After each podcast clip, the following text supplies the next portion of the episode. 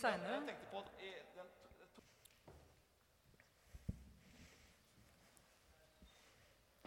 Skal vi se om jeg har Se her har jeg lyd. Det er bra. Så fint å være sammen på gudstjeneste igjen. Vi eh, har jo hatt, som Trond sa, et opphold på to uker nå. Jeg merker at eh, det, er, det er fint å komme sammen. Det er fint å feire gudstjeneste, feire Jesu oppstandelse. Det er jo første søndag i advent, og det er liksom ingenting er helt som det pleier å være. Og det er det jo heller ikke i år. Vi har jo pleid å ha sånn skikkelig storsatsing i advent med ganske mye folk og mye opplegg. Og i år er det jo litt annerledes. Men jeg sier det kan bli fint likevel. Vi har jo holdt på med en serie fra Kolosserbrevet. Vi har gått faktisk gjennom hvert kapittel. Og vi har kommet til Kolosserbrevet kapittel 4, og det skal jeg gå igjennom i dag. Det skal vi studere sammen i dag. Vi i evangeliet jeg vil si at vi er glad i Guds ord. Vi er glad i å studere Guds ord. Og jeg tror faktisk det, det er kjempeviktig. For det er liv i det ordet som Gud har gitt oss. Og Jesus selv, når han ble ført ut i ørkenen og ble frista av djevelen, så sier han Mennesket lever ikke av brød aleine, men av hvert ord som går ut av Guds munn. Så vi tror at Bibelen er like aktuell i dag som den var da den ble gitt. Jeg tror Guds ord gir oss næring, oppmuntring, trøst, fostring. Og er et våpen mot det onde. Det er jo så mange som vil ha vår oppmerksomhet, og som vil mene noe om hva vi skal tenke. Men husk på at han som elsker oss, han som har skapt oss, han vil oss vel. Og han har så mye bra å si oss som det er vel verdt å ta på alvor og lytte til. Kolossebrevet. Jeg tar en sånn liten sammendrag, fordi eh, nå har vi vært litt sånn spredt. Eh, som det har blitt sagt før, Kolossebrevet blir vel regna for det mest Jesus-sentrerte brevet. I kapittel 1 og 2 så slår Paulus fast at det er Kristus som er sentrum for vår tro. Og bare i Jesus alene finnes frelsen. Vi kan ikke legge noe til for vår frelse eller for at Gud skal elske oss mer enn det han gjør. Fordi hele Guds fylde har tatt bolig i Jesus. Og Jesus har tatt bolig i deg og meg som tror. Så vi kan ikke blande kristendom og religion. For religionen den prøver å streve for å komme til Gud. Men kristendommen er helt motsatt. Der er det Gud som strekker seg ned. Gjennom mennesket Jesus kommer han til oss. Jesus som døde i vårt sted. sto opp til vår rettferdighet. Det er vårt utgangspunkt. Der begynner vår vandring som en kristen. At vi får ta imot frelsen, rettferdigheten, det som alle andre religioner strever for å få. Hele Guds fylde bor i Kristus, og Kristus bor i deg. Fantastisk. I kapittel 3 så snakker Paulus om at det nye livet som eh, har blitt født inn i deg, i ditt hjerte av nåde ved tro, og så blir en virkelighet i vår livsstil som, uttrykk, som et uttrykk for den frelse vi har fått. Så det handler på en måte om at vi legger noe av, og så tar vi på noe nytt. Og Trond snakka jo noe om det å ta på nye klær. Det handler om å ta på de klærne som passer til den du har blitt. når du er barn av en konge, så skal du få lov å kle deg deretter. Så de klærne som vi tar på oss, som hører til dette riket, som er Guds, det er godhet, kjærlighet, vennlighet, tilgivelse.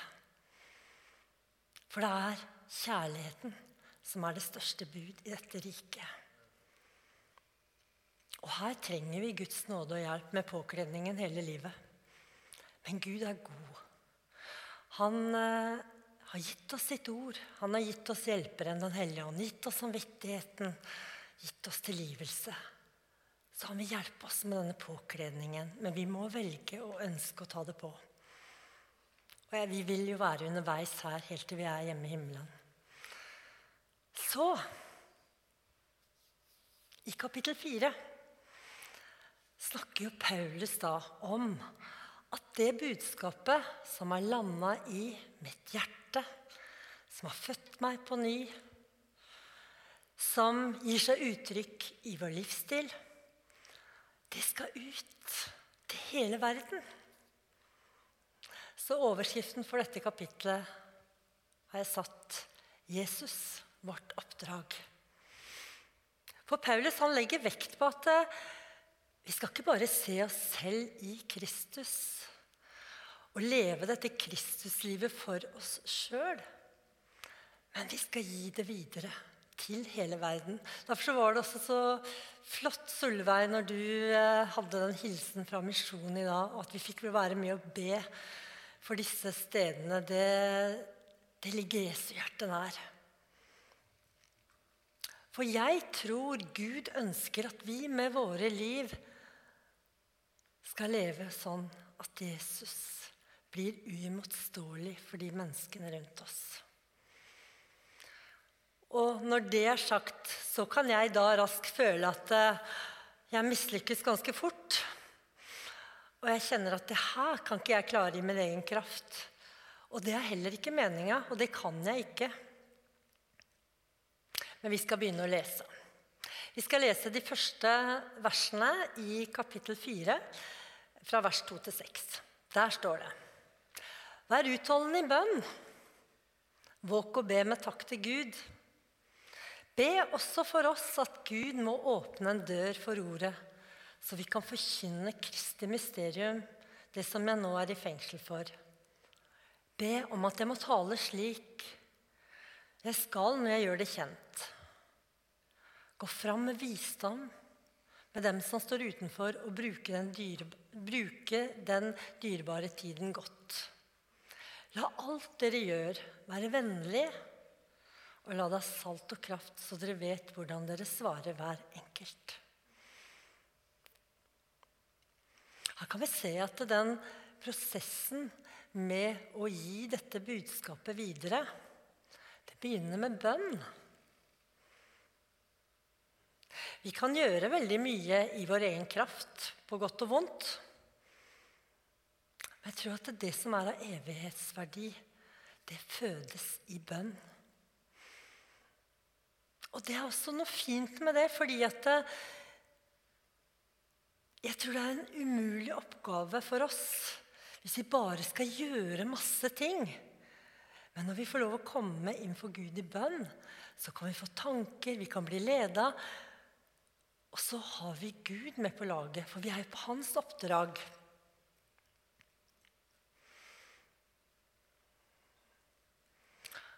Vi har fått tatt imot frelsen i tro. Vi har fått Guds ord, vi har fått Den hellige ånd. Han har flytta inn i oss. Og han vil være det vi ikke kan være i oss selv, bare aleine. Og så vet jeg jeg har jo snakka med mange folk opp igjennom, og så vet jeg at noen syns at det med bønn kan være litt sånn krevende. Man ser for seg sånne bønnekjemper som bare ber dag og natt, og det er liksom ingen sak. Det handler ikke om det. Ingen av oss trenger å være bønnekjemper eller føle på at vi ikke er flinke nok i bønn. Jeg tror det heller handler om at vi skal la oss inspirere til dette og be. Og det er jo ikke lengden eller utformingen heller på bønnen som teller. Og jeg tenker sånn som vi fikk be nå av skrevne bønner. Det er kjempefint. Det handler om å få være med og be. Vi har fått Herrens bønn, og den dekker jo alt. Og den kan vi være med og be. Så vi skal gå Nå er det jo sånn at det, nå funka jo den her eh, prosjektoren. Og det fikk vi beskjed om at den ikke gjorde, så jeg har ikke laga noe powerpoint til i dag. Så dere får følge godt med og notere litt hvis dere vil. Men det som jeg tenkte vi skulle se på vi, For det her vil jo bli litt sånn Snakk om bønn, egentlig. Og i den teksten som vi leste nå, så så tar den egentlig for seg fem sånne grunnelementer i bønn som er viktige. Og vi begynner med det første. Da sier eh, Paulus der i vers 2 så sier han, 'Be med utholdenhet'. Det en eh, kan være en litt krevende ting. For vi er jo ofte sånn at vi, vi vil be, og så vil vi ha bønnesvar med en gang. Og så hvis vi ikke får det, så så vet vi ikke om vi gidder å be noe særlig mer. Men her sier Paulus be med utholdenhet. Og noen ganger så er det jo sånn at vi opplever bønnesvar fort. Og noen ganger så er det nesten sånn at man er blitt sånn overraska, for man nesten får et bønnesvar nesten før man har, føler at man har bedt så om det. Og andre ganger så drøyer det her bønnesvaret. Og så kan vi lure på hører Gud meg egentlig? Og så kan vi bli litt sånn motløse og kanskje slutte å be. Og så har jeg lyst til å si at det er en viktig ting. Det er sånn at Gud, han er Gud, og vi er mennesker. Og det er ikke alltid at vi kanskje får det svaret som vi ville gjerne ha her nede på jorda. Og det er også en viktig ting å tenke på at Gud er Gud. Og Det betyr ikke at vi skal slutte å be, men vi skal fortsette å be. Men vi må også overlate bønnene våre til Gud. Og Jeg husker godt en, en dansk forkynner som heter Bruno Knutsen, som var her for 20-30 år siden. Men jeg husker han sa noe som jeg beit meg merke i.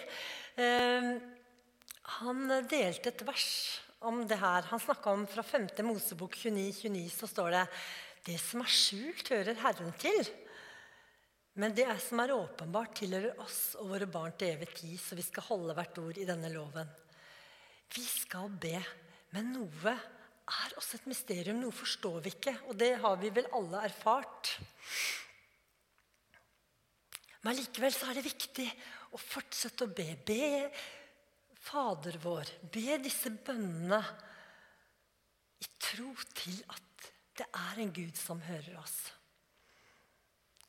Og noen ganger så er det med bønn også en åndelig strid, faktisk.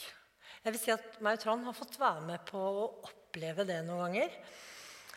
Og fordi det er kamp om menneskers liv. Derfor er det også viktig at vi fortsetter å be. Og jeg har fått oppleve noen ganger at eh, den kampen og da kan man også oppleve i bønn at Den hellige ånd gir en på en måte en sånn type djervhet og frimodighet. Så en ber, og en kjenner etterpå at nå er det her bedt igjennom, faktisk. Det går an å oppleve. Det er sikkert mange her som har, eh, har kjent på. Og i Daniels bok så, så eh, opplever han noe av det. Daniel, profeten Daniel. For det står der at uh, han, høre, han, har bedt, og så står det at dine bønner er hørt. Men det var åndsfyrster som streid imot disse bønnene, som gjorde at ting tok lengre tid. Og Det er også en ting å tenke på. Vi lever i en åndelig virkelighet også. Og det er en kamp om menneskers liv. Derfor skal vi alltid fortsette å be. Be for barna dine som kanskje ikke tror. Be for de vanskelighetene. Fortsett å be, for Gud hører alltid. Og noen ganger så tror jeg faktisk det er sånn at det, at det er Gud som drøyer med bønnesvaret. Fordi jeg tror at den bønneprosessen kan også være viktig. Det handler om å være overlagt til Guds timing. Og det er ikke det at det, det er jo ikke bare bønnesvaret som er viktig. Men det er viktig å være lydig og be og ikke gi opp. Og så er det noen ganger sånn at vi vil nesten være Gud selv noen ganger. For det, det hadde jo vært veldig lett at vi ber, og så får vi med en gang det vi ber om. Jeg vet ikke om eh, noen av dere har sett den filmen 'Brian Almighty'. Han som får prøve seg å være Gud. Og da er det quick fix med det meste veldig fort. Og det blir mye rart og mye greier ut av det som ikke er så bra. For Gud, han er ikke vår vinningmaskin. Men han er vår far, og han vet hva vi trenger. Og vi kan overlate oss til hans omsorg og ha tillit til han. Og den prosessen å være utholdende i bønn lærer oss et viktig karaktertrekk som er eh, noe av åndens frukt, nemlig det her med tålmodighet. Så jeg tror at det er et potensial også i denne prosessen som gjør viktige ting med oss. Men Bibelen den eh, oppfordrer oss gjentatte ganger til å be og ikke gi opp. Og Dere husker kanskje den enken og den urettferdige dommeren. Hun ga ikke opp. Og til slutt så ble dommeren så lei altså han ga henne det hun ba om. Og det nevner Jesus som et eksempel i den forbindelse at vi skal be og ikke gi opp. Og så står det videre i vers 2. Det står 'vær utholdende i bønn', og så står det 'våk og be'. Og hva betyr det? Det å våke, da har man jo øynene åpne. Tror det handler om å be med åpne øyne. Jeg tror det handler om å be om å se det Gud ser. I Efeserne 2,18 så står det Paulus sier, må han gi deres hjertes øye lys, så dere får innsikt i det håp han har kalt dere til, og hvor rik og herlig hans arv er for de hellige. Vi har to øyne. De øynene her de ser ofte bare på omstendigheten og det som er rundt. Og så har vi sånn hjertets øyne som gjør at vi kan få lov å se i et større perspektiv. Vi kan be om å få lov å se det Gud ser. Og da ser ting ofte litt annerledes ut, og da kan det være mye mer spennende å be òg. For det er noe med når du, har, når du ber og har dine øyne festa på målet, og tillate Gud å gi deg et bilde av hvordan situasjonen ser ut når han er ferdig med den. Jeg har vært frimodig for Gud. Og så har jeg, Vi har fem barn, og jeg har bedt Gud om å gi meg ord og gi meg noen bilder for dem som jeg kan be. For det syns jeg noen ganger har vært fint. Og med, med fem unger i, alder, ja, i, forskjellig alder, og alt har ikke gått på skinner, det skal jeg bare si dere rett ut. Men det har vært veldig fint, fordi Gud har gitt meg noen bilder. Og jeg har bedt de og det er ikke alt man ser i oppfyllelse av, men en del ting har jeg fått lov å se at Gud har gjort. Og det har vært veldig fint å kunne be det jeg tror Gud har sett for de barna mine. Og Vi har opplevd konkret situasjoner som har vært tunge, som har snudd seg. Og ting har blitt forløst som Gud har ønska. Og det vil jeg oppmuntre dere til. For vi trenger å se det Gud ser. For ber vi bare ut fra omstendighetene våre, så kan det ofte bli veldig sånn tunge bønner. Og det kan bli veldig slitsomt. Men når vi får løfta perspektivet, så blir bønnene også annerledes. Så la oss be om at vi skal få se det Gud ser for våre liv, for våre relasjoner, for barna våre, for ekteskapet vårt, for kollegaene våre, for menigheten. Hvordan vil evangeliet se ut når Gud er ferdig med det han har tenkt å gjøre? Eller skal vi liksom bare be nei, nå er det korona, nå er vi så få, nå er vi ditt, nå er vi datt? Eller skal vi løfte blikket og, og be Gud vise oss hva du har tenkt? For han har ofte høyere tanker, større tanker. Og han er ikke motløs og bekymra.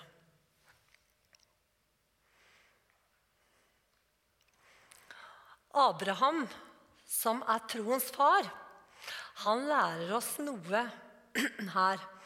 Og han er et godt eksempel på å ikke be bare ut fra omstendighetene, men ut fra det perspektivet som Gud hadde gitt. I Romerne 4, 18, 21 så står det, at, så står det om Abraham. Selv om alt håp var ute, holdt Abraham fast på håpet og trodde.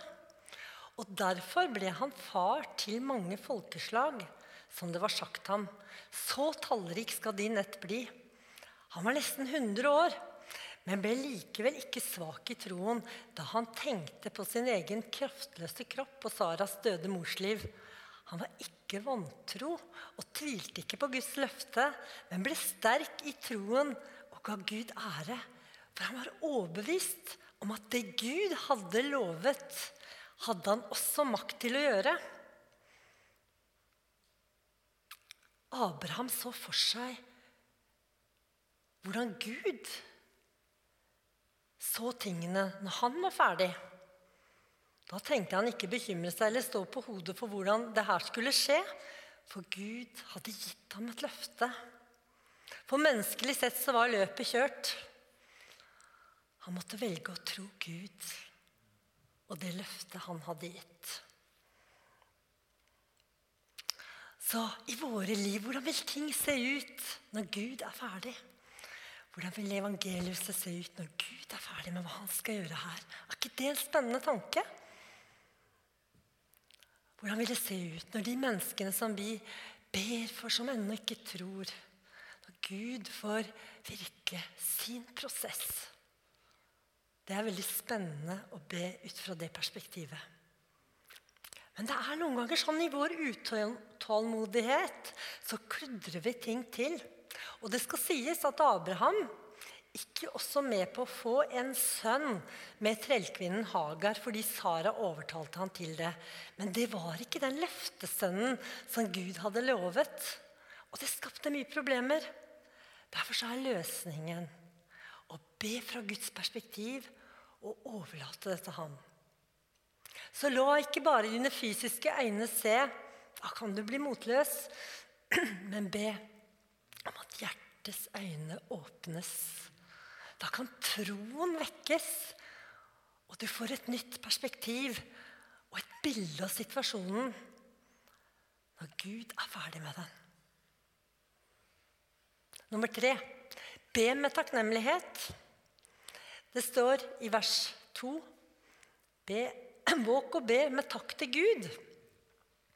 Takknemlighet tror jeg ikke bare er en følelse eller en allmenn innstilling til livet. Jeg tror at takknemlighet faktisk er en åndelig kraft. Nesten som et åndelig våpen som fører til frihet og glede. Husk på Paulus og Silas som satt i fengsel urettmessig. Mens de ba og sang lovsanger og takka Gud, så åpna fengselsdørene seg. I Salme 100, så, vers 4, så står det noe om porten inn i Guds nærhet er takk. Det står 'Kom gjennom portene hans med takkesang, inn i forgårdene med lovsang'. Tilbake til Abraham. Det sto at han ble sterk i troen i det han ga Gud ære. Takk gjør noe med oss. Det gir oss et nytt perspektiv, det også. Og jeg tror Lærer vi oss takknemlighet, så lærer vi også å dra himmelen ned over vår situasjon. Og Jesus, som er vårt forbilde, viser oss et eksempel på det når han vekker opp Lasarus fra de døde. Så begynner han bønnen med å si i Johannes 11, 41. Så tok de steinen bort. Jesus løftet blikket mot himmelen og sa, 'Far, jeg takker deg fordi du har hørt meg.' 'Jeg vet at du alltid hører meg.' Man kunne holdt en hel preken om det med takknemlighet, for det står så utrolig mye om det i Bibelen. Og det er liksom morsomt å lese i selvhjelpsbøker og litteratur som vil hjelpe deg til å få et bedre liv. Der snakkes det mye om effekten av det å takke. Men det er Gud som kom først med det. Så det med takknemlighet, det er en kraft. Og jeg er sikker på at du selv har merka hva det gjør med deg når folk takker deg og er takknemlige. Det er liksom akkurat som det, det er noe veldig godt. Og jeg tenker at Gud også opplever det. Så jeg tror det er en kraft i det å takke. Og jeg tenker at det har et større effekt på bønnelivet vårt enn det vi kanskje tenker over. Og så gjør det noe med oss selv. Det gjør noe med holdningen vår når vi får komme med takk. Nummer fire be om åpne dører. I vers tre så står det Be også for oss at Gud må åpne en dør for ordet, så vi kan forkynne Kristi mysterium, som jeg nå er i fengsel for. Det finnes forskjellige dører. Jeg skal ta for meg tre dører. Men det er de dørene som Gud åpner, som vi skal gå gjennom. Jeg tror at åpningen av disse dørene skjer i bønn. I bønnen så tror jeg vi også får en varhet og fornemmelse at det er Gud som har åpna denne døra. Men det er noen ganger sånn at det, vi bryter oss igjennom og åpner de dørene sjøl. Og går litt foran Gud. Og det gjør ofte mer skade enn funksjon. Abraham som hørte på Sara og fikk barn med trellkvinnen, han gikk ikke akkurat da gjennom den døra Gud ville åpne. Det handler ofte om Guds timing og vår utålmodighet, som ikke alltid er helt på linje. Men når vi bringer det fram for Gud og ber at han skal åpne døra, så tror jeg vi kan unngå de tinga som vi kan kludre til ved å bryte oss gjennom dører som egentlig ikke vi skulle gå igjennom. Det står et sted at Paulus han ville forkynne evangeliet i Asia på et tidspunkt. Og så står det at Den hellige ånd ga han ikke lov, og han var lydhør da, da, da, gikk ikke han på liksom den planen han sjøl hadde og bare kjørte på. Nei, da var han var. Da stoppa han opp. Og så får han et nytt syn. For da er det en fra Makedonia som står og roper. Så man får se et syn. Kom over til oss. Og det var en dør som Gud hadde åpna. Og når de gikk gjennom den, så kom de dit og fikk forkynt evangeliet. Og det ble til frelse for mange, og de ble døpt. Og så kan det faktisk være noen dører som den onde åpner. Og de kan det være litt fristende å gå gjennom. Blir ofte litt bekvemme. Der og da, i hvert fall.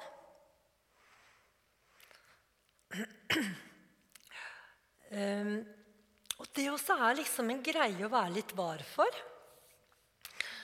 Eh, nå skal ikke jeg si at Trond lytta til den onde, men jeg skal nevne et eksempel på det her med dører. Fordi ja, jeg tror det var kanskje sånn på 2000, 2001 Vi begynner jo å bli gamle. Så var det sånn at Trond hadde jo tatt vernepleien, og så, eh, så jobba han i kommunen. Og så trivdes han vel ikke sånn kjempegodt i den jobben, så hadde han søkt på en jobb som virka veldig forlokkende. Og det var liksom litt i den gata han kunne ønske seg, og det virka som en veldig bra jobb. Eh, han fikk den jobben, sa opp eh, den andre jobben han hadde, og begynte en mandag. Så kjenner han veldig fort at uh, det her er helt feil. Selv om det var egentlig ikke noe feil med jobben. Det var liksom bare at det, det her var egentlig ikke den døra jeg skulle gå gjennom. Og der eh, hadde vi eh, Jeg vet ikke hvor mange unger vi hadde. Ja, fire, kanskje. Tre. ja, Samme. Men i hvert fall så var det snakk om at vi skulle kjøpe hus, og vi ja. Og han hadde sagt opp den jobben, men bare kjente så tydelig at det, den jobben her, den kan jeg ikke fortsette i.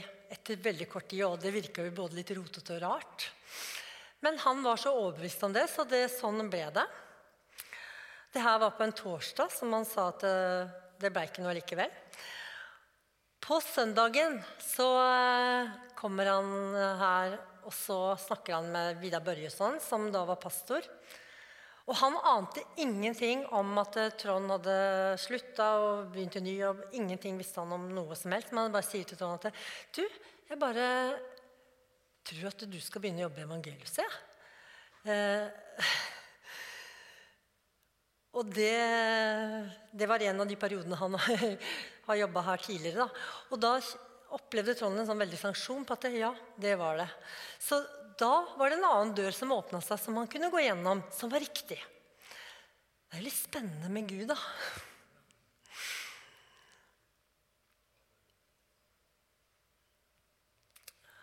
Når Jesus rei inn i Jerusalem palmesøndag, da ville menneskene gjøre han til konge. Jesus han var jo konge og skulle være konge til evig tid. Men denne gangen så skulle han skulle ikke bli konge på menneskelig vis via berømmelse og makt og løftes opp på den måten som menneskene hadde tenkt. Han skulle ikke ha noen krone av diamanter og edelstener. Det var ikke den veien Gud hadde tenkt for Jesus. Jesu krone, kongekrone, det skulle være en tornekrone. Hans vei til å bli den kongen vi trengte, det var gjennom lidelse og død. Og det var også en fristelse for Jesus å velge en enklere vei. Men Guds vei er alltid den veien som leder til det beste til slutt. Derfor så må vi be Gud om å lede oss gjennom de rette dørene. Åpne de rette dørene. Både for hva vi skal si og gjøre. Når jeg forberedte meg til denne talen, her, så kom jeg til å tenke på noen kort. Jeg var så, sånn, jeg gikk på ungdomsskolen, så var jeg sånn kjempefascinert av Basilia Slink og Maria-søstrene. De er veldig flotte. Og jeg hadde kjøpt masse kort. Og jeg er ikke noe samler, men akkurat de korta har jeg spart på. Og på et av de korta så står det Guds rike kom da Herren ikke døden. Skulle det finnes en annen måte for deg, hans lem, til å fremme hans rike, da velg denne måten på ny hver dag. Jeg tror noen ganger det handler nettopp om det å dø bort litt fra våre egne måter å gjøre ting på. De enkleste veiene. Men heller be om Guds timing og måte som gjør at dører åpnes som vi kan gå inn i. Og den døren er det ingen som kan lukke. Så er det ja Nå har jeg snakka om to dører. Nå skal jeg snakke om den beste døra. De er, det er de dørene som Gud åpner. Da er det rett tid. Og du trenger ikke å bryte opp for å komme inn. Eller la deg blasere av enkle, bekvemme dører som den onde prøver å lokke deg inn i. For det vil alltid gi en bismak og lite god frukt. Men når Gud åpner døra, da kan du gå inn. Du er på rett plass til rett tid. La oss be om det. Det er adventstid. Israels folke venter på Messias. Hele menneskeheten søkte etter en frelser. Så står det så fint. I tidens fylde kom Jesus. Han kom i rett tid. Han kom i perfekt tima tid etter Guds plan. Nummer fem. Be om rett ord i rett tid. Vers fire står det. Be om at jeg må tale slik jeg skal når jeg gjør det kjent. Logos, det er Guds skrevne ord. Bibelen er Guds ord, Guds sannhet. Rema, det er også Guds uttalte ord, men det åpenbares her og nå. Det er et logosord, altså et gudsord, som gis for en spesiell situasjon. Og vi kan be Gud om å gi oss sånne rema-ord for de menneskene vi møter, som trenger nettopp akkurat det ordet til rett tid. Be om rette ord inn i situasjoner. For barna dine, for familien dine, for kollegaer, for venner. Det kan forløse ting. Det går det an å be om. Rett ord i rett tid. Så står det videre i vers 5 og 6 så står det Gå fram med visdom blant dem som er utenfor, og bruk den dyrebare tiden godt. La alt dere gjør, la alt dere sier, være vennlig, og la det ha salt og kraft, så dere vet hvordan dere skal svare hver enkelt. Det er det Gud ønsker for livet ditt her på denne jorda. At du skal være en velsigner som drar mennesker et skritt nærmere Jesus. Gjennom at du ber med utholdenhet. For se det Gud ser for menneskene. Ber over dem og takker. Ber om åpne dører og rette ord i rett tid. Slik at livet ditt kan fortsette der hvor Jesus slapp når han reiste fra denne jorda. Livet ditt i relasjon til andre. Det vil ha den andre i fokus. Så det du gjør og sier, er fylt med visdom, klokskap, vennlighet, salt og kraft. Og jeg tror Gud vil oss nåde til det ved Den hellige ånds hjelp når vi tuner oss inn på Guds kanal med våre liv og ber Ham. Det er sikkert flere med meg som har latt seg fascinere av Tor Håvik på Farmen. Presten som er med på Farmen i år. Han er virkelig et vakkert forbilde. Der han lever sammen med en gjeng som i utgangspunktet ikke er troende.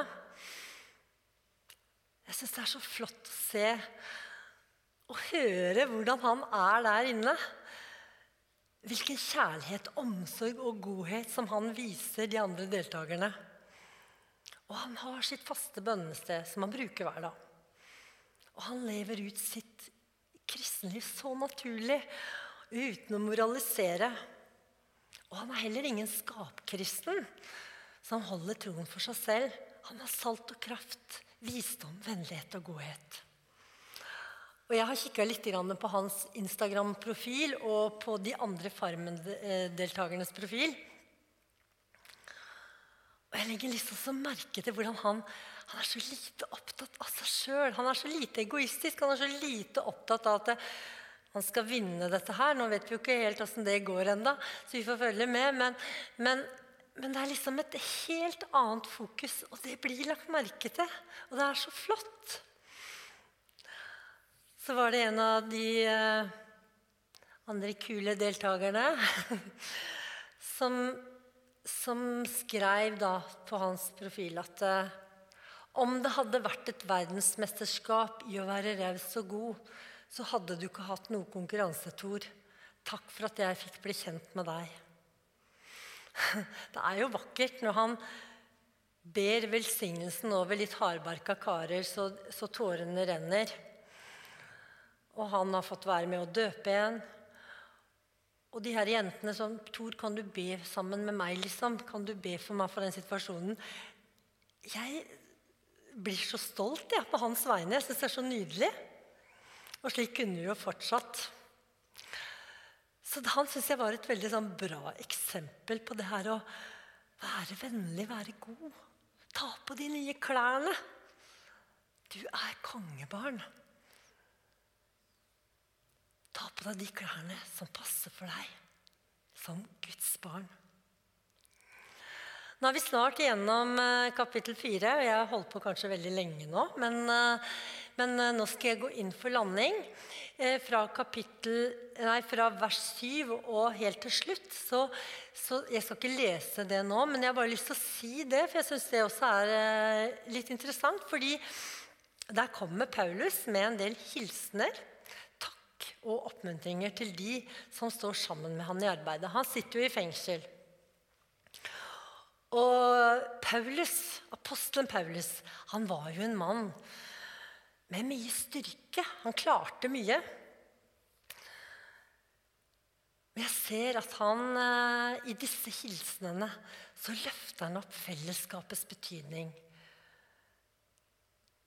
Paulus sin hjertevarme og store takknemlighet for medarbeiderne det kommer klart fram i disse versene. Sterke Paulus han trengte dette fellesskapet for å fullføre det oppdraget som Gud hadde kalt han til. Han skulle ikke være noe solospiller, han heller. Så det minner oss om at det store oppdraget som vi er med på sammen, det skal vi være med på sammen. Det handler om fellesskap. Det handler om menighet. Og vi er alle avhengig av den støtten fra hverandre i tjenesten for Gud. Så det er kjempeviktig. Og jeg syns det kom så tydelig fram i slutten av Kolossebrevet her, kapittel 4. Så det er viktig at vi er med på å oppmuntre hverandre, framsnakke hverandre og backe hverandre opp. Vi trenger det.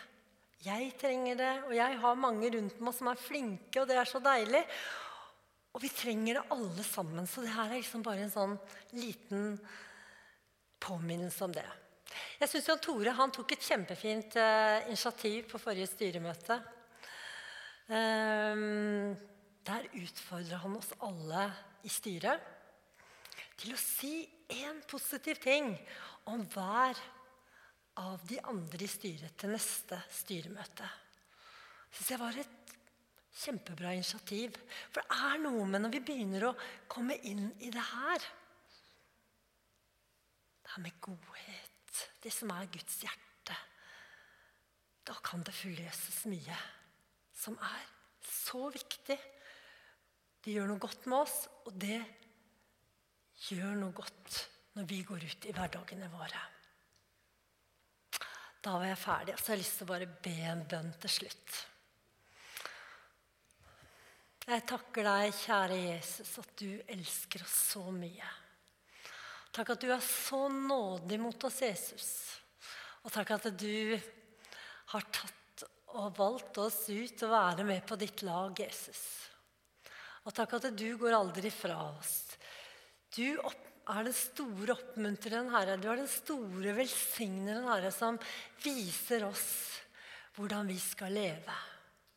Takk for den nåde du har vist oss, Herre. Og takk, Jesus, for at du vil fullføre ditt oppdrag med våre liv.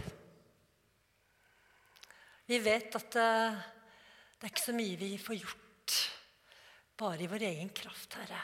Men med deg i ryggen, med deg i hjertet, med deg på laget, Herre, så er det uante muligheter som vi kan få være med på. Både her i Porsgrunn, Herre, på jobbene våre, Herre, i de relasjonene vi står i, Herre. Å, Herre, vi lengter etter å se ditt rike komme her i Porsgrunn. I våre liv, Herre. I himmelen så også her på jorda, Herre. Vi ønsker å dra himmelen ned. Mennesker trenger det lyset. Du er Jesus. Den godheten og den frelsen du har å gi oss, den trenger vi alle sammen, Herre. Og så skal du hjelpe oss til å be og gå inn i de prosessene som vi skal, Herre, sånn at vi kan få se det du ser, så vi kan være med og forløse det du har tenkt, Herre. For du har gode tanker. Du har fredstanker med alle mennesker. Du tenker ikke noe ondt, men du tenker framtid og håp for alle som bor i Porsgrunn, Herre. Alle vi kjenner, ønsker du å velsigne, Herre.